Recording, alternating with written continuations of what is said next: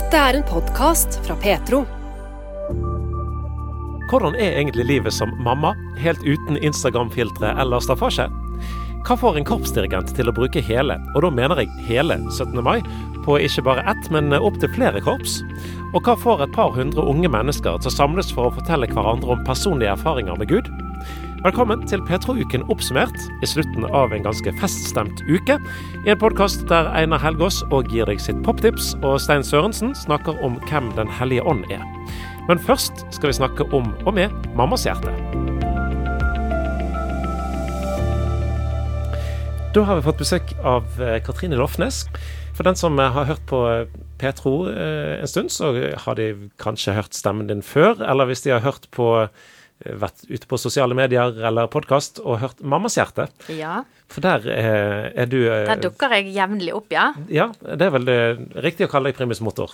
Ja. Eh, jeg er vel grunnleggeren, ja. Jeg samlet eh, Jeg spurte da egentlig ut av et eget behov at jeg eh, hadde lyst til at å dele litt liv på sosiale medier med en flokk damer. Så jeg spurte er du med oss og dele litt liv inni en sånn Det var en sånn interngruppe, da.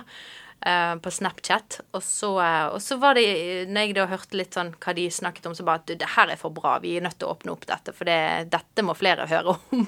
ja, for Mammas hjerte har jo vokst. Uh, for ja. de som ikke kjenner til det, hva, hva er hva og hvem er Mammas hjerte? Hva og hvem er det? Det er jo det er, det er, blitt veldig mye.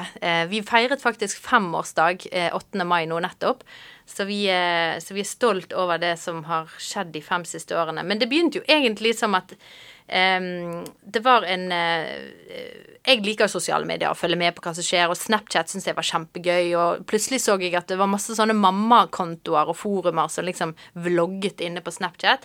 Så fulgte jeg en del av de og syntes det var spennende og interessant og litt inspirerende. Og så var det en, en som da var en av Norges største, som het Mammabanden, som jeg skrev inn til. Du, jeg eh, kunne tenkt meg å gjeste og vise litt av liksom en litt sånn eh, Ikke sånn A4 hverdagsliv, fordi jeg er pastor og, og eh, liksom lever litt annerledes kanskje enn kanskje det kunne vært spennende. Ja, så fikk jeg lov å gjeste der, da, på denne store kanalen. Og da, eh, og da lagde Fikk jeg et tema. Da skulle jeg snakke om parrelasjon. Og, og meg og min mann, vi lagde et sånn lynkurs. vi bare forberedte noen punkter. OK, hva er, vi, hva er det som har vært viktig for oss for å liksom være gjennom småbarnsfasen? OK, vi lagde en åtte punkter. Så bare sånn OK, dette kan vi dele på Snapchat. Så, så eh, vlogget jeg en dag da på, på Mammabanden. Eh, og da var det rundt en 11 000 som fulgte den dagen, husker jeg, eh, og delte disse her eh, litt sånn helt sånn for oss som er gjerne oppvokst i kristne kretser. Veldig sånn ja, allmennlige relasjonstips. sant? Fem kjærlighetsspråk. velge Altså ikke la følelsene styre, men ta det, det valget som man tar. og liksom Helt sånne ting som vi opplever som veldig naturlige. Men den responsen jeg da fikk eh, etter denne Snap-dagen, den var helt enorm. Og folk som sier 'Hvor har du lært dette?' 'Hvorfor har ikke vi hørt dette før?' 'Hva skole har du gått på?' 'Hvilke kurs kan vi gå på for å vite mer om dette?' Altså, og hvor jeg egentlig innså hvor lite mennesker generelt lærer om relasjoner. Um, og hvor jeg ble veldig sånn Oi, kjære tid, her må, her må, vi rett og slett bare begynne å dele det lille vi har fått. Ja, For du, for du tenkte at dette var nesten sånn selvfølgeligheter ja, for meg, i din verden? For oss var det litt, eh, litt selvfølgeligheter, ja. Før jeg innså at eh, I hvert fall på den responsen jeg eh, hørte. Og så var det spesielt en respons som jeg har tatt med meg, og jeg deler når jeg forteller om Mammas hjerte, som, som satte seg. For da var det jo en en nabodame som hadde sett min dag, og så visste hun at eh, Nei, en dame. Og så hadde hun en nabo som hun visste hadde pakket tingene sine. Hun hadde gitt opp, nå var hun ferdig i, i relasjonen, for nå orket ikke hun mer i parrelasjonen. Par og så gikk hun bort til hun her nabodamen, så så de gjennom denne her vloggdagen jeg hadde. Og så fikk jeg da melding da et par dager etterpå at hun her hadde nå bestemt seg for å bli gjenværende i parrelasjonen, fordi at nå hadde hun fått noe konkret å kunne jobbe med.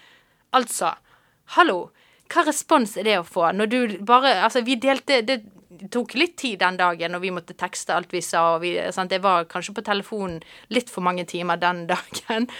Men altså Av intet har du fått, av ingen skal du gi det, intet skal du gi det. Og, og nei, den responsen gjorde at jeg bare OK, her må vi nødt til å, å dele det lille vi har fått. Vi er ingen eksperter, men vi har nå noen år med erfaring, og vi har kranglet mye. og vi er like står likevel sterkt. Så, altså, dette her kan du spare noen andre for unødvendige krangler. Ja, ikke sant? Og, eh, og jeg ser jo skilsmissestatistikken er jo helt slående for tiden. Så så vi, eh, ut av det da, så begynte vi å, og jeg samlet disse damene for, litt for min egen del, for jeg hadde lyst til å liksom dele litt liv og røre, og så tenkte jeg at dette må vi dele med flere. Her var ja, for det mye. har jo, altså det har blitt, Dere er på, aktive på Snapchat, dere er på Instagram, dere er litt grann på TikTok. Ja. Eh, dere lager en, eh, en ukentlig podkast. Eh, så det har jo det har vokst, dette her. da. Det har det. Så vi begynte jo bare i begynnelsen med Da var vi ti mødre, så delte liksom Snap-uken eh, mellom oss. Vi vlogget hver vår dag. Og så gjorde vi det i to år, og så var vi litt sånn OK, nå er det mange som er slitne, vi vet ikke helt hva vi skal gjøre, og vi, det stagnerer litt. Og da kom det plutselig en kobling med at Tro og Media plukket opp det arbeidet vi gjorde, og sa at du, vi, eh, vi har tro på dette, vi syns det er kult dere er der ute. Vi kan hjelpe dere å lage podkast. Ja, for Tro Media det er en, altså en, en kristen organisasjon som, som eh, ja, er med å støtte, opp under eh, kristen medieproduksjon på ymse vis. Ja, de, de, de er, gjør veldig mye. De har fingrene med i mange prosjekter som skjer rundt omkring. Eh, og liker å være gartnere, som de kaller det for. Eh, være med også og vanne på mye av det gode arbeidet som, som skjer der ute. Og, og er veldig lite sånn i front, og liksom, eh, men, men de, de ligger bak veldig mye bra arbeid som, som skapes i dag, og følger med eh, på hva som skjer. Og vil være foran og skape gode produkter som folk kan både lytte til og se til og, og ja. Så Tro og Media er jo nå eh, Altså Mammas hjerte er en del av Tro og Media, og eh, jeg er da frikjøpt 50% til å kunne jobbe. For nå er det blitt så stort med både følge opp alle disse plattformene, og vi vi har mange folk som vi følger, og vi har begynt å reise rundt òg på event for å treffe disse følgerne våre. For vi har jo blitt en liten sånn her digital eh, fellesskap. Eh, Noen faste følgere som har fulgt oss i fem år, og vi kjenner jo de inn og ut med at vi vlogger og vi snapper, eller sånn chatter med de nesten daglig. Så folk forteller jo oss første gangen de eh, blir gravid, f.eks., eller de står i, i vanskelige situasjoner med eller enten i parrelasjon eller med, med sykdom, og så, så kan vi få stå der og be med de. Vi kan bare høre at de er frustrert, og de skriver uh, Tømmer hjertet sitt, og så kan vi heie på de. Så, så på den måten så har vi fått en sånn digitalt uh, støttefunksjon for hverandre, da. Um, og så er det veldig kjekt å nå reise rundt og så treffe folk. Sant? Vi reiste, hadde et i Sandnes um, i fjor, og så har vi vært i Bergen uh, i år. Og så har vi lyst til å reise bort til Østlandet og litt uh, flere steder etter hvert. Vi har altså besøk av eh, Katrine Lofnes fra Mammas hjerte, som er både en podkast og eh, på, masse på Snapchat og Instagram og TikTok og det ene med det andre. Jeg ser for meg at det må være ganske krevende å skulle følge opp alt dette her. Du sier at, sa at uh, dere har eh, altså digitalt da, eh, samtaler med, med folk hver dag.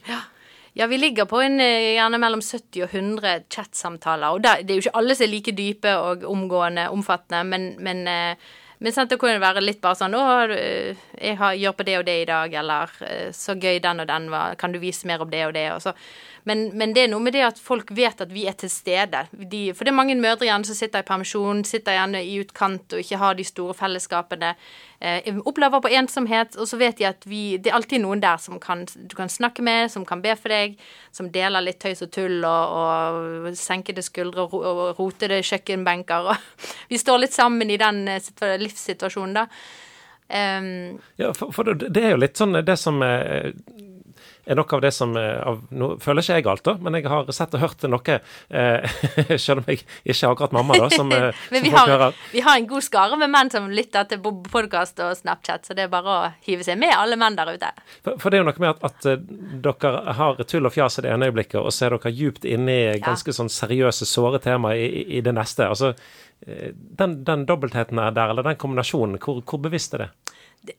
det er veldig bevisst. Det er jo eh, Men så ser vi jo at eh, eh, vi, må, vi må dele det litt. sant? At På Instagram der har vi mye av denne humoren sant? i disse korte videoene som kalles reels. Der kan vi liksom spille på litt sånn humoristiske ting. Og i, på Snappen kan jo vi dele litt av rotet, sant? for da er det mer vlogging-video, så vi viser liksom OK, dette er sånn ser min kleshaug ut nå, hvordan ser din ut? sant? Og så kan man le litt av hverandres eh, sokkekaos, og så blir det litt sånn la, senkede skuldre sant? for mødre som ser som egentlig blir preget av Instagram-kulturen, hvor alt skal være så plettfritt, og det skal være så rent og ryddig hele tiden. Og det blir jo et umenneskelig krav å sette seg til, til seg sjøl. Men så har du podkasten, da, som har gitt oss muligheten til å gå litt i dybden av tematikk og, og snakke om litt mer, og få inn fagfolk òg, blant annet, til å snakke om alt ifra liksom psykisk sykdom eh, i parrelasjon, f.eks. hvis ene partneren lider med noe som gjør at parrelasjonen ikke fungerer, eller alt fra sex og samliv. Sant? Der har vi hatt sexolog inne, vi har hatt psykolog inne, vi har hatt lege inne og snakke om kvinnehelse. vi har hatt eh, lærere og til og med Erna Solberg hadde vi inne. Ja, Det har dere til Det var veldig kjekt. Eh, Men, men er det lett å finne på tematikker? Nå har dere holdt på i, i fem år, som du sier. Er det, er det mer å snakke om? Det er alltid Du, nå spør du eh, ekstroverte kvinner. Altså, vi, vi har eh, det, det går aldri tomt. Liv, men det er jo livet, sant. For dette, vi snakker jo om det som er foran oss, og det vi står i. Så livet går jo aldri tomt. Så, så egentlig er det aldri tomt for tematikk. Vi, og, men vi tar jo gjerne opp eh, ofte samme tema. Hvis du ser liksom titler på podkast, så kan jo mobbing gå igjen flere ganger, eller psykisk helse gå igjen flere ganger, eller men, men jeg mener at det er alltid nye vinkler, det er alltid nye problematikker og dilemmaer vi står i i livet som, som er verdt å ta opp, da. Em, så, men vi er innom ja, tro og tvil. Vi snakker om eh, Ja, for det er en annen ting som, òg er Ja. sånn eh, eh, dobbelthet der, at dere i det ene øyeblikket er på en måte djupt eh, kristelige og tenker hva snakker, sier Bibelen om dette, Mm. og så snakker dere plutselig om, om kvinnehelse eller eh, det å være mor for første gang. Altså det, det er på en måte en sånn eh, Det er jo hele livet, sant. Vi, prøver, vi, vi har jo tatt på oss en veldig stor oppgave. og, og, og, men vi prøver å romme hele livet. Men samtidig òg faktisk prøve å snakke et språk som gjør det aktuelt for de som ikke tror også. Eh, for vi er en del av Tro og Media sitt eh, misjonerende arbeid, som er omgud.nett-arbeidet. Det er jo et, et misjonsarbeid som skal nå de som er litt i randsonen av kristen tro. Så vi prøver hele tiden å gjerne ikke bare snakke sånn til inni kristenboblen av det, for vi har jo et litt eget språk, hvis du skal liksom ta for gitt at noen tror og tenker det samme som deg, så vi prøver hele tiden å, å være var for at folk tror og tenker kanskje andre ting, og det er helt greit, og, og vi har full respekt og forståelse for det. Eh, Men at vi òg snakker veldig fritt og åpent om det vi tror, og eh, de måtene vi tenker på. Eh, Og, og, og liksom drøfte, ha de der drøftningene der, da. Så så, så jeg opplever at vi, eh, vi når eh, absolutt flest kristne, men vi har òg flere som ikke er troende, som følger med oss. eh, Fordi at de syns det er aktuelt, rett og slett, inn i parrelasjon og oppdragelse og disse tingene. Mm. Du fortalte tidligere at eh, litt av bakgrunnen for at Mammas hjerte i det hele tatt blei, var den enorme responsen du fikk når du var på eh, hva var det Mamma Banden het Mamma de, faktisk. ja. Ja. Eh, hvordan er det med, med respons i dag? Jo, det er jo eh, slå... Jeg skulle gjerne hatt litt mer konstruktiv kritikk, jeg. Men jeg syns jo folk er så snille, så det er jo slående respons. Eh, vi har fått ja, mye dette her med at å, vi får senkede skuldre når vi følger med dere. Vi, føle, vi, vi føler at vi kan slappe av. Vi føler at jeg har fått venner, sant? vennskap i dere. Sant? Og Derfor er det jo viktig for oss å dra rundt og ikke bare være digitale, men faktisk klemme folk og se folk i ansiktet, ta en kaffekopp med folk. Eh, Så det gjør vi på disse eventene, da. Men så eksempel på uken vi hadde, en uke vi hadde om sex, eksempel, som kan være et ganske knytt eh, og vondt tema når det kommer både til småbarnsfase, ekteskap generelt, men òg i kristne sammenhenger.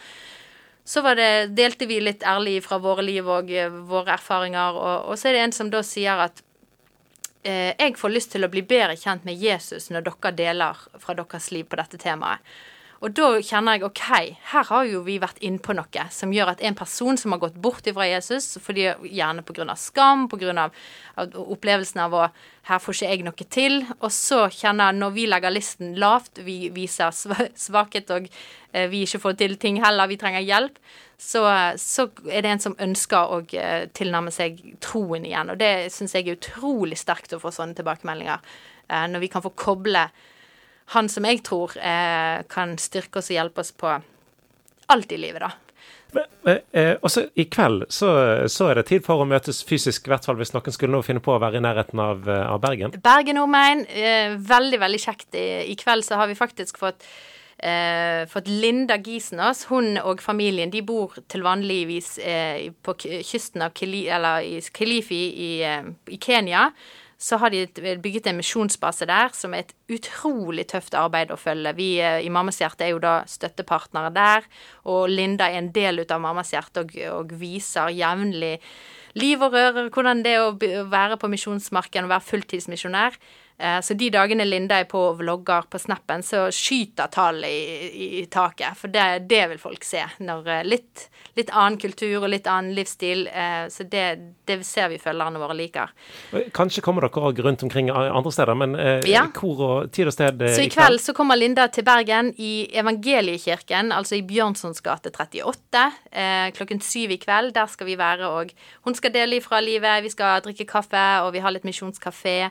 Eh, det blir veldig veldig kjekt. Så der er alle hjertelig velkommen. Og for eh, alle andre som ikke er i nærheten av Bjørnsons gate i, i, kveld, eh, så kan jeg regne, regne med jeg kan følge dere ja. digitalt?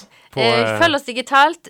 Vi kommer sikkert til å gå noe live fra sendingen i kveld, men inviter oss hvis dere har lyst på besøk fra Mammas hjerte. Vi, vi kommer til Østlandet antageligvis til vinteren, og så Vi har noen sånne småavtaler, og til Sørlandet i høst. Men, eh, men, følg med på Mammas hjerte sine kanaler, så vil du finne ut om vi kommer i nærheten av deg. Da må vi bare si tusen takk for besøket, Katrine Lofsnes. Takk for at jeg fikk komme. Du lytter til en podkast fra Petro. Vi ønsker å formidle tro, rotfestet, redelig, reflektert og relevant, slik at du blir inspirert til etterfølgelse av Jesus. I tillegg til podkaster og webradio kan du høre Petro på DAB 24-7 mange steder i landet. En onsdagskveld i april arrangerte Ivar Glenna Bodsberg og Edvard Gilje sammen med to andre kamerater et møte der målet var å kunne dele personlige erfaringer med Gud. Det var satt opp stoler til 150 personer, men det kom eh, opp til nærmere 200 i Philadelphia-kirken i Oslo. Ivar Glenna Bodsberg sier at det var overraskende at så mange ville være med på det de kaller vitnekveld midt i Oslo sentrum. Eh, jeg trodde det skulle komme sånn 20-30 personer, fordi vi har laga et Facebook-arrangement. Og da sto det at det var kun 30 personer som skulle komme. Og så dagen, eh, på selve dagen så sto det at det skulle komme 70 personer. Og da ble vi helt sjokka. Eller jeg ble i hvert fall helt sjokka. Jeg trodde det skulle komme så mange. Og så hadde Elias hørt at det pleier å komme dobbelt så mange av det som det står på Facebook-arrangementer. Og da møtte vi opp 150 stykker. og vi hadde jo vi hadde ikke nok stoler, så folk måtte sitte, sitte langs veggen. og ja, var, Jeg var helt sjokka over hvor mange som eh, kom, og hvor, eh, hvordan ordet hadde spredd seg såpass. Hvordan eh, jobber dere med å få folk til å fortelle om trua si, og tørre å våge det? Ja, vi prøver å stille litt forskjellige folk som har opplevd forskjellige ting. Så det kan være en helt spesiell hendelse som har skjedd med Gud, eller noe som har skjedd over lang tid, eller bare hvordan Gud har hjulpet en person gjennom hele livet. Så prøver å liksom treffe flest mulig folk da, med disse tre forskjellige vitnesbyrdene. Men hvis en snakker med, Nå er dere unge gutter i 20-åra, og dere er i studentlivet.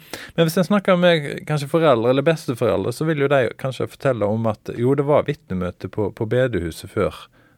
Og så har de mer eller mindre forsvunnet. Eh, men dere har lyst til å dra det fram igjen.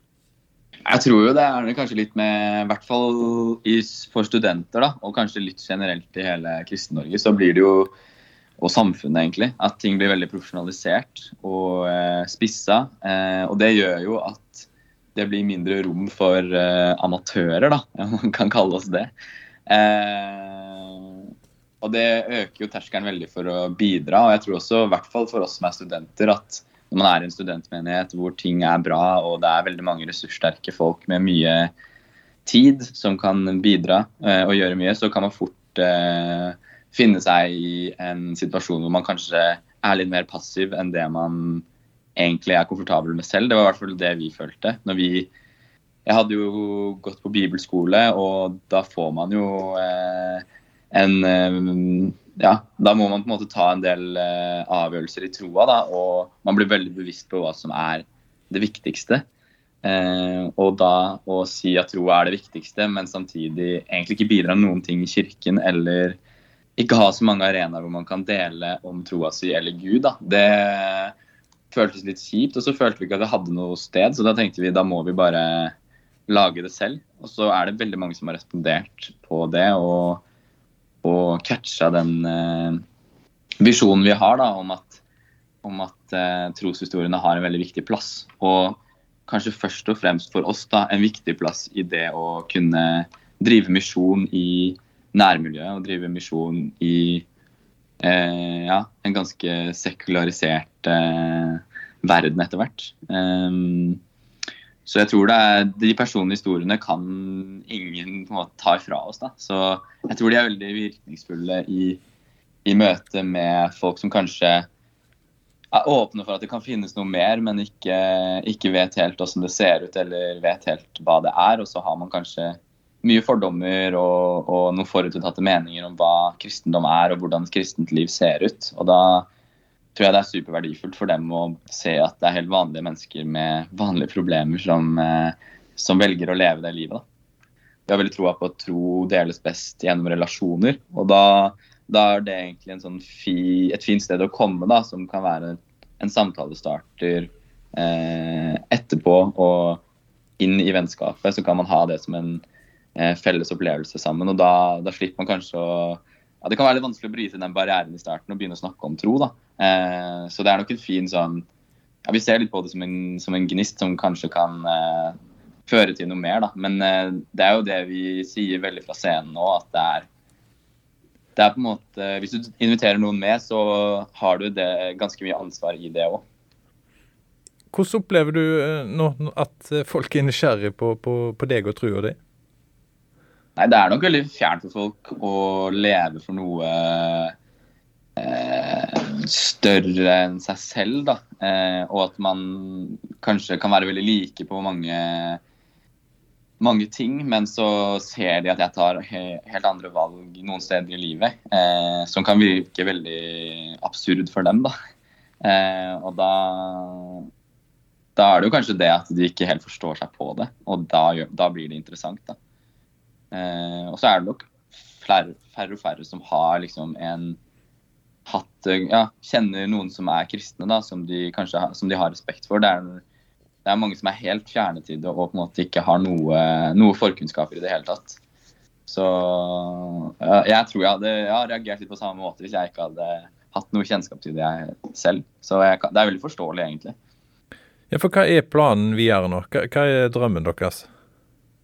Det er et godt spørsmål. Eh, vi har nok veldig mange drømmer. Og så er det jo litt sånn vi prøver å, å holde oss eh, Ja, å be mye over det. Og prøve å la oss eh, lede, lede, av Gud, da, i den grad vi føler at vi får ledelse der.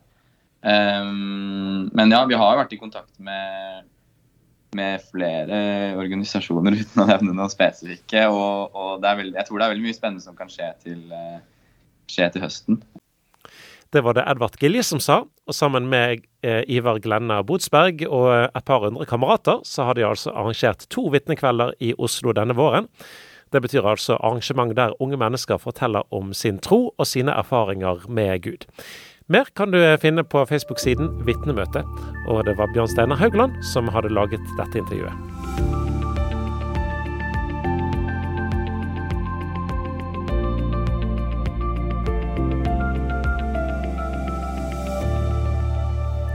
Hver uke på Petro så har vi i radiosendingene våre klokken kvart på fire onsdags ettermiddag Einar Helgås innom, og han gir oss sitt ukentlige poptips i form av en betraktning som altså leder fram til en sang.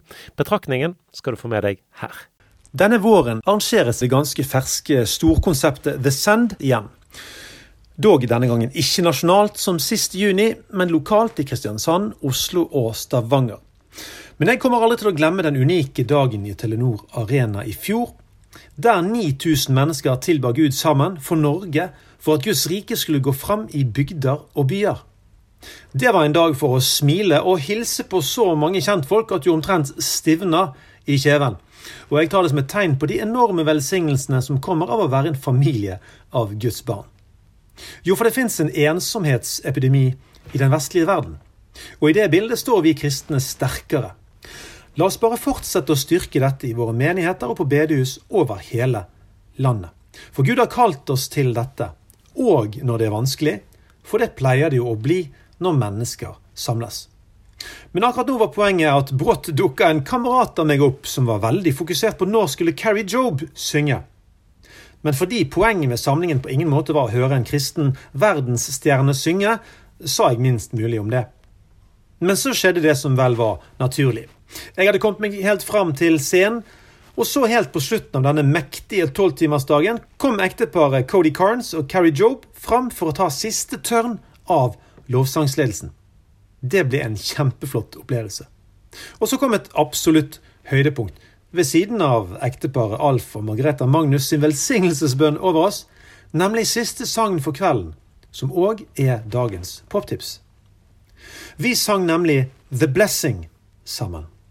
Og det var som om det enorme taket i Telenor Arena løfta seg. Denne sangen kom ut i 2020 og er skrevet av fire personer. Carrie Job, Cody Carnes, pastor Stephen Furtick og lovsangsleder i Elevation Church, Chris Brown. Og når den kom ut, ble den raskt uvanlig populær og har vunnet to priser for beste lovsang på Dove Awards i 2020 og årets sang på samme sted i 2021. Mange coverversjoner av denne er allerede ute. Og En av de mest spesielle sidene med sangen er hvordan den tar inn generasjonsperspektivet når det gjelder velsignelse. Ja, for det blir selvfølgelig altfor smalt å se hver generasjon isolert for seg. Den som går på skole i Norge, kan fort få et inntrykk av at Norge primært ble brutalt kristnet med sverd. Men da er det svært interessant å ta inn forfatter Håvard Sand sitt perspektiv fra boka 'Drømmen om Norge'. Han har nemlig gjort et dypdykk i historien vår, og det viser seg at kristendommen kom på fredelig vis med keltiske kristne fra vest, til og med lenge før den offisielle kristningen på Moster i 1024. Dette er en rik åndelig arv som har gått i generasjoner, altså i over 1000 år. Velsignelsene som kommer av dette, er talløse. Alt fra at barn ikke lenger ble satt ut på skogen, fattige fikk verdi, polygami ble forbudt, osv., osv. Den vestlige verden bygger primært på verdier som kommer fra Jesus, ikke fra Romerriket eller noen annen makt, ei heller fra en sekulær humanistisk arv, selv om det finnes krefter som ønsker at det skal bli stående igjen som sannheten. Min far var en god forsørger, han lærte meg og mine fire brødre å jobbe, og han var raus på sine vis. Men han hadde ingen åndelig arv å gi meg. Verken trosmessig eller psykologisk formidlet han at det var håp for mitt liv. Han gjorde det ikke gjennom å uttrykke en kjærlighet direkte overfor meg, eller å peke på Gud. Så jeg endte opp med mange hull i mitt liv etter oppveksten med en far som stort sett var følelsesmessig og relasjonsmessig fraværende. Og Derfor var det av enorm betydning at en i klassen min inviterte meg på restart av skoledaget på Kirkegrensen skole i Åsane da jeg gikk i åttende klasse. Jeg var til og med sekretær i styret før jeg ble kristen på Lagshuset i Bergen, der jeg jobber i dag. Dette har forandret mitt liv drastisk og gitt meg det håpet jeg manglet. Og det er et unikt håp knyttet til Jesu verk, og heldigvis ikke til hva jeg, eller du for den saks skyld, får til. Men når jeg så sjøl fikk barn, sto jeg på et valg som kanskje ikke alle er like bevisst på. Jo, for skal jeg bryte med de negative sidene med min fars arv, eller skal jeg la den gå videre til mine barn? En sønn av meg sa til meg etter at han hadde flyttet ut. Takk, pappa, for at du brøt med farsarven din? Jo, for det å få en kristen oppdragelse, der ungene jevnlig får høre 'Du, jeg elsker deg så utrolig høyt', og innimellom får de òg høre 'Du, vet du hva, jeg er enormt stolt av deg'. Det er av enorm betydning. Og den som såkalt tar opp denne hansken, får bl.a. gjennom det æren og gleden av å bygge en rakrygget, glad og fri ny generasjon kristne, selvfølgelig basert på Guds ufattelige nåde. For hvis Gud slår hånda av oss, er vi fortapt. Det er fullstendig ute med oss. Vi er så intenst avhengige av Hans velsignelse. Og den skal du nå få rett i fanget, båndsterkt formidlet av ekteparet Cody og Kari, sammen med Elevation Church. Rett før det er tid for middag denne onsdagen i april, vil jeg legge inn over deg at du òg la denne velsignelsen lyde over din slekt, din familie, dine søsken, dine foreldre, dine barn, dine barnebarn, så de kan få del i Guds uvurderlige skatter inn i våre skrøpelige liv. Før vi slipper de løs, skal du få høre kjernebudskapet i sangen oversatt. Måtte Hans gunst hvile over deg i tusen generasjoner, over familien din og barna dine over deres barn og deres barn igjen. Måtte Hans nærvær gå foran deg og bak deg og ved siden av deg, overalt rundt deg og inni deg, for Han er med deg. Om morgenen, om kvelden, i ditt komme og når du drar, i din gråt og i din glede. Han er for deg. Han er for deg. Og det musikalske tipset fra Einar Helgaas denne uken, det er altså The Blessing med Elevation Worship, Carrie Job, Cody Carnes og flere. Og nå kan du ikke høre den her i podkasten, fordi at regelverket for musikk i podkaster er ganske krevende, men du finner spillelisten Einars poptips på Spotify. Du lytter til en podkast fra Petro. Årets 17. mai-feiring er passert, og mange har vært ute og gått i tog. Og mange har vært med å spille i korps i et av 17. mai-togene rundt omkring i landet i år. Hva er det som gir engasjementet som gjør at uh, en korpsdirigent f.eks. er villig til å bruke hele 17. mai-feiringen sin på å eh, gå rundt og dirigere korps? Vi har pratet med Daniel Sørensen, som er dirigent bl.a. for Tveit Union Musikkorps, som har base på Tveit like utenfor Kristiansand. Jeg tror vel det handler om som mange har det, at en, en, har en passion for noe og stager ut en kurs på noe en har lyst til å bruke tid og, og krefter på. I, I, mitt tilfelle så uh, var det jo som liten gutt at jeg begynte å spille trompet, og, og fortsatte med det i, i, alle år. Og ble glad i korpsmiljøet og, og dette å både lære og presentere musikk. Og siden så gikk det slag i slag, og for min del så ble det en tur innom Gardemusikken eh, i Oslo eh, i 2001, og så kom spørsmålene ganske kjapt etterpå om jeg hadde lyst til å dirigere ulike korps, både korps for barn og korps for, for voksne. Og da kommer han inn en trall hvor man setter pris på dette, og en setter pris på musikken og menneskene rundt som er knytta til, til miljøet. Så ja, det blir en sånn slags passion for dette som en går inn med, med hud og hår. Men jeg trives veldig godt med det. Så litt tilbake igjen til, til Tveit Union og, og, årets 17. mai. 17. mai og nasjonaldagen det er ofte da Tveit Union presenterer litt nytt i sitt repertoar. Eh, vi har alle opp gjennom årets løp hørt eh, gammel jegermarsj og Ja, vi elsker og Fagert av landet. Men, men dere i Tveit Union dere presenterer da litt mer sånn nytt? Ja, det er jo noe jeg har jobba målretta med i mange år. Det å kunne henvende seg til publikum. Det er vel i grunnen det det handler om sånn kulturelt i utgangspunktet. At en skal treffe sitt publikum med det en presenterer og den musikken en velger. Og går man noen år tilbake igjen, så var det gjerne et rent marsjrepertoar som vi gikk i gata med. Det var gjerne fem eller seks marsjer som gikk eh, på rundgang. Eh, og folk var jo selvfølgelig happy og fornøyd når det kom et korps forbi med korpsmusikk. Så ser jeg det at eh, publikum eh, de setter også pris på når det kommer populærmusikk inn iblant disse marsjene. Og da har vi gått litt på kompromiss og deler marsjheftet opp i to med eh, marsjer og showmusikk. Og det ser vi slår veldig, veldig godt an, og da blir det som et varemerke. Sånn at når Tveit Union Musikkorps kommer i gata, så venter folk på Tveit Union fordi de vet at de kommer med noe som er litt ekstra enn det de andre kommer med. Og det er jo gøy. Årets 17. mai, da har du et, et langt program som strekker seg fra soloppgang til til solnedgang. Eh, hvordan ser du fram til, til, dagen og alt det den inneholder? Ja, For det første så har jeg jo sett værmeldinga. Og værmeldinga i Kristiansand den blir jo bare ei stor sol hele dagen.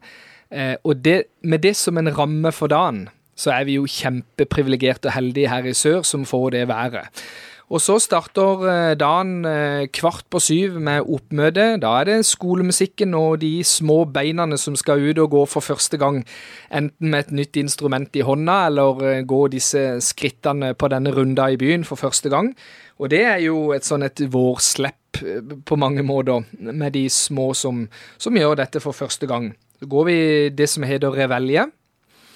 Og så fortsetter eh, dagen med, med, skolekorpsene i byen, hvor vi samles på Torvet. Eh, spiller eh, Norge rødt, hvitt og blått, Ja, vi elsker, i sammen med alle menneskene på Torvet, hvor kor og alle menneskene synger disse låtene, mens alle korpsene spiller. Så der har vi skapt ei, ei fin ramme med årene. Så fortsetter det da i skoletoget med den runda i, eh, i, byen de fleste kjenner til.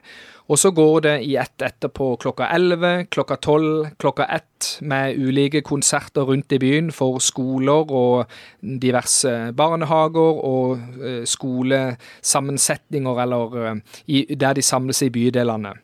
Og så eh, kler vi om, eh, bytter uniform. Så er de inne i Tveit Union sin uniform eh, rett over klokka ett. Spurter av gårde til Kjevik, hvor vi har første drilloppvisning og premiere for året. Så durer vi inn til byen og gjør oss klar ut forbi domkirka med innmarsj til Øvre Torv klokka tre for å gjøre ny drilloppvisning der. Og så snur vi oss bare rundt mot scenen, spiller Ja, vi elsker og Gud signe vårt dyre fedreland sammen med alle korpsene og alle publikummerne klokka fire. Da er det avmarsj Borgertoget. Så får vi eh, hvilt oss litt etter borgertaget. Kommer litt an på hvor lenge det tar å gå den runda med alle de menneskene. Eh, strekker litt på beina, og så er det ny eh, showoppmarsj på kvelden i nitida for så å nærme oss Tapto fra Slottet klokka halv elleve på kvelden, hvor vi avslutter med et fantastisk flott fyrverkeri klokka elleve nede i Tresset, hvor alle i byen kan samles og se et flott fyrverkeri. Så ja, jeg er vel i seng til midnatt, eh, tenker jeg. Det har vært en lang dag. Det kjennes i beina. Er det dog litt godt at Kristi himmelfartsdag kommer sånn rett etterpå? Du, dette var midt i blinken at det var en fri dag, for en gangs skyld etter den 17. Så det, for oss korpsfolk så falt det i god jord. Du var innom det at i, i Kristiansand så er det tradisjon for, for borgertog. Men så skal alle korps òg spille. Du skal dirigere. Folket skal stå rundt og synge. Og de to sangene som er, er satt opp, det er Ja, vi elsker dette landet, og Gud signe vårt dyre fedreland disse to sangene, hva, hva gjør de, eller betyr de for deg når du står der framme og dirigerer korps med, med, den musikken som betyr mye for deg, og, og samtidig òg hører Kristiansands befolkning stå rundt og, og synge? Det syns jeg er noe helt eh, spesielt, og det er også noe vi har arbeida litt med de siste årene for å beholde i programmet. Eh, nasjonalsangen vår den vil nok bestå i mange, mange år. Men det er klart at eh, Gud signe vårt dyre fedreland.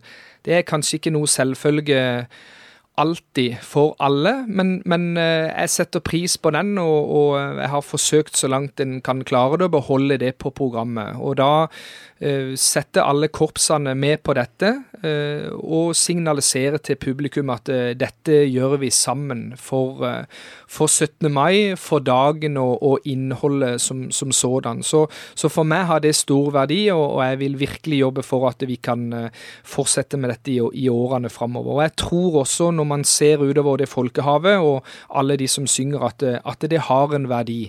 Så må vi tro at eh, teksten i seg selv også kan bety noe for folk. Det sa altså Daniel Sørensen, dirigent bl.a. for Tveit Union Musikkorps, og han ble intervjuet av Tollef Byrkjedal. Takk for at du lytter til denne podkasten fra Petro. Liker du det du hører, setter vi pris på om du tipser andre om radiosendinger og podkaster fra Petro. Du finner oss på DAB, og både radiosendinger og podkaster er tilgjengelige i Petro-appen, som enkelt lastes ned fra Google Play eller AppStore. Temaet for refleksjonene denne uken det er Den hellige ånd, og vi hører pastor Sten Sørensen. Det som er søndagens tekst, det er Johannes 15, 26-27. Det er jo det som han skal preke om i de forskjellige kirker og kanskje en del bedehus også, på søndag som kommer. Og det er Den hellige ånd som er i fokus, og det er jo naturlig fordi det er ikke lenge før vi skal feire pinse. Så den siden av Helligånden som jeg vil løfte opp i dag, denne mandagsmorgen, det er at Den hellige ånd er en forsvarer av oss. Den hellige ånd vil forsvare de troende og styrke vårt vitnesbyrd. Samtidig så minner Den hellige ånd om det Jesus har forkynt og undervist oss om. Uten at Jesus dro tilbake til himmelen, kunne ikke Den hellige ånd komme. For Jesus han sier det vil komme prøvelser, utstøting, forfølgelse og til og med død. Fordi de samme metoder som de religiøse lederne prøvde seg på Jesus, vil de også prøve på de troende, og de vil få oppleve forfølgelse og vanskelige tider. I forfølgelsen av de kristne vil Den hellige ånd være deres forsvarer. For det står Han vil bli hos oss til evig tid. Og det er dette som er mitt moment i dag. Den hellige ånd er vår forsvarer. Han er vår talsmann. Og det gjør at vi kan være trygg midt i turbulente tider. Om det stormer, om det er ting som kan være vanskelige, så kan vi som tror på Jesus, vi kan vite det, at vi har fått Den hellige ånd, og den skal forsvare oss. Den skal være vår talsmann inn for Gud, og den vil styrke oss og guide oss mens vi lever her.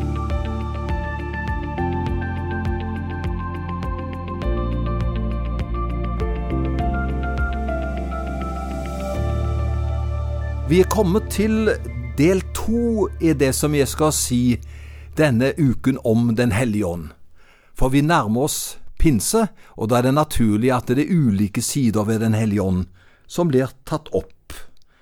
I går snakket jeg om at Den hellige ånd er vår forsvarer. I dag skal jeg si litt om at Den hellige ånd er vår dommer. Det har altså skjedd et sceneskifte, om du vil. Forsvareren som vi snakket om i går, er blitt til en aktor og dommer. For Jesus han sier at Den hellige ånd skal overbevise verden om synd, rettferdighet og om dom. Den hellige ånd både avdekker, overbeviser og dømmer om både synd, rettferdighet og dom. Ånden fortsetter det arbeidet Jesus startet med å være lys i den mørke verden. Siden Jesus har dratt tilbake til himmelen, så må Den hellige ånd videreføre hans oppgave, og det er å overbevise om synd, rettferdighet og om dom.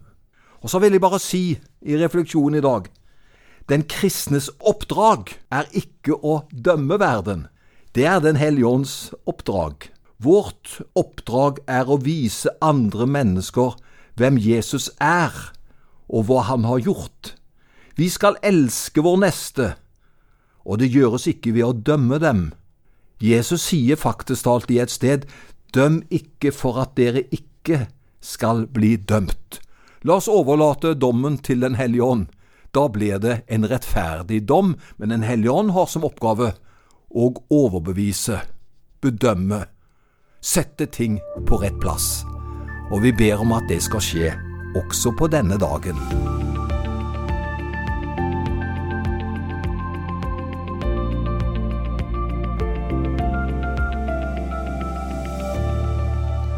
Da ser jeg og tar for meg denne siden av Den hellige ånd, at Den hellige ånd, han bor hos oss.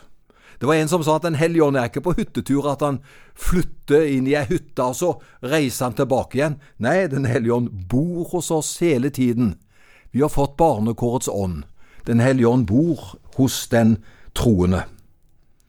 Og Bibelen forteller at Den hellige ånd skal rettlede, veilede og hjelpe forsamlingen og menigheten og hver enkelt troendes liv. Ånden er gitt som pant i våre hjerter, og han virker i den som tror. Og Den hellige ånd er både rådgiver, advokat, forsvarer, oppmuntrer, trøster og hjelper. Tenk, alt dette er Den hellige ånd. Han er Jesu tilstedeværelse i verden, i menigheten og i vårt hjerte. Ånden er Guds nærvær, Guds kraft og Guds liv i oss. Og så utruster han oss med nådegaver. Han legger til rette for vekst av åndens frukter. Og Den hellige ånd er fremfor alt opptatt av å peke på Jesus og hjelpe oss til at han får større plass i vårt liv. Bibelen taler om å bli fulgt av Ånden, og at vi skal få være med og gjøre Hans gjerninger på jorden. Og dette, og mere til, kan vi gjøre fordi Den hellige ånd, den bor i oss. Uten Den hellige ånd så har vi ingen muligheter, men med Den hellige ånd så har vi de aller beste muligheter.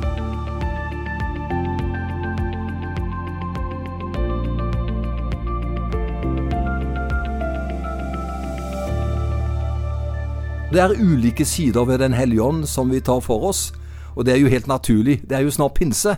og da er det veldig flott å kunne fokusere på ulike sider ved Den hellige ånd. I Det gamle testamentet leser vi at det var særlig konger, prester, dommer og profeter som ble fulgt av ånden. På pinsedag, 50 dager efter påske, ble Den hellige ånd utgitt over den første menighet. Pinse kommer fra det greske ordet pentekoste, som betyr 50. Mens disiplene var samlet på pinsedag, fikk disiplene oppleve at Jesu løfte om dåpen i Den hellige ånd Dere skal jo bli fulgt med Den hellige ånd om ikke mange dager. Lukas forteller det slik. Plutselig kom det en lyd fra himmelen som av et mektig stormvind, og den fulgte hele huset der de satt. Så viste det seg delte tunger for dem som av ild, og de satte seg på hver enkelt av dem. Da ble de alle fulgt med Den hellige ånd, og de begynte å tale i andre tunger eftersom Ånden gav dem å tale. Dette ble faktisk alt starten på en ny tid. Nå skulle disiplene gå ut med evangeliet, slik Jesus hadde befalt dem i misjonsbefalingen. For Den hellige ånds viktigste oppgave, det er til å istandsette oss og være med oss, så vi blir Jesu vitner, for nå er det vi som skal være vitner. Den hellige ånd gav disiplene styrke og ord til å gå ut og fortelle om alt de hadde sett og hørt. Pinsen regnes derfor som begynnelsen for den kristne menighet. Og husk dette, Herren, at Den hellige ånd er i oss, den bor hos oss. Vi har fått Den hellige ånd i våre liv, og den kom på pinsedag. Og siden så lever vi i Den hellige ånds tidsalder.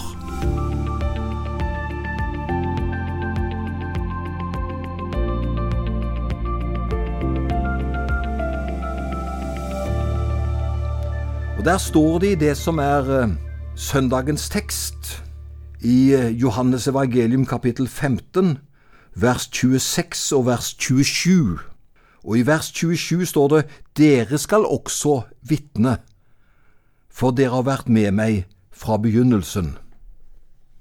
Det største tegnet på at vi er fulgt med Den hellige ånd, er at vi har kjærlighet, en kjærlighet som fører til ønske om å dele de gode nyheter med andre. For det var vitner om Jesus vi skulle være. I tillegg vil den som har Ånden boende i seg, opplever en større grad av glede, fred, tålmodighet og selvbeherskelse, det som vi kaller for Åndens frukt. Den hellige ånd har på dem som vil gi ham rom i livene sine, har Den hellige ånd en sånn en kraft og mulighet til å løfte oss opp, slik at vi kan få være til velsignelse. Og så er det godt å minne hverandre om at Gud ikke gjør forskjell på folk. Han elsker sin menighet og forsamling. Og heldigvis er Jesus en gave til alle mennesker. Det er snart pinse, og Den hellige ånd er utgitt. Det er fortsatt mulig å ta imot Guds nærvær. Tilbudet står ved lag. Derfor har jeg bare lyst til å si til du som hører, vær frimodig. Og så vil jeg avslutte med Peters ord på pinsedag. Og det skal skje de siste dager, sier Gud, at jeg vil utøse min ånd over alle mennesker. Deres sønner og deres døtre skal profetere, deres unge menn skal se syner, deres gamle menn skal ha drømmer og over mine slaver, over mine slavekvinner vil jeg utøse min ånd i de dager, og de skal profetere. Vi lever faktisk alt i disse tider nå. Om du er en som løfter dine hender når du ber, eller du ber med innestemme og hendene i lommene. Altså, du er veldig beskjeden når du ber, eller du er veldig frimodig når du ber. Det er faktisk alt ikke det avgjørende. Men vær åpen for Den hellige ånd. Det er det samme som å være åpen for Gud, Han som ikke gjør forskjell på folk. Jeg tror at Guds folk, de som bekjenner seg som kristne, har mye godt i vente. Det gjelder for deg, ikke bare i dag, men i hele året. Han som sier at han ikke gjør forskjell på folk. Ta imot Den hellige ånd, lev ut Åndens liv. Eh, Det får vi hjelp til gjennom søndagens tekst, men ikke minst, det får vi hjelp av Herren til å leve hver eneste dag. God helg.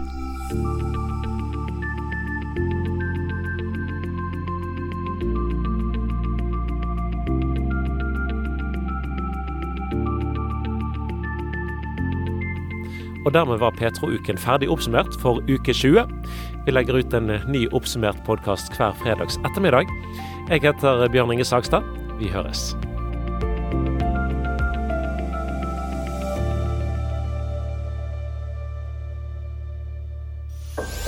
Du har lyttet til en podkast fra Petro. Flere podkaster fra oss finner du bl.a. på petro.no og i Petro-appen. Der kan du også høre radiosendingene våre 24-7. Husk også at vi sender på DAB mange steder i Norge. Vi høres!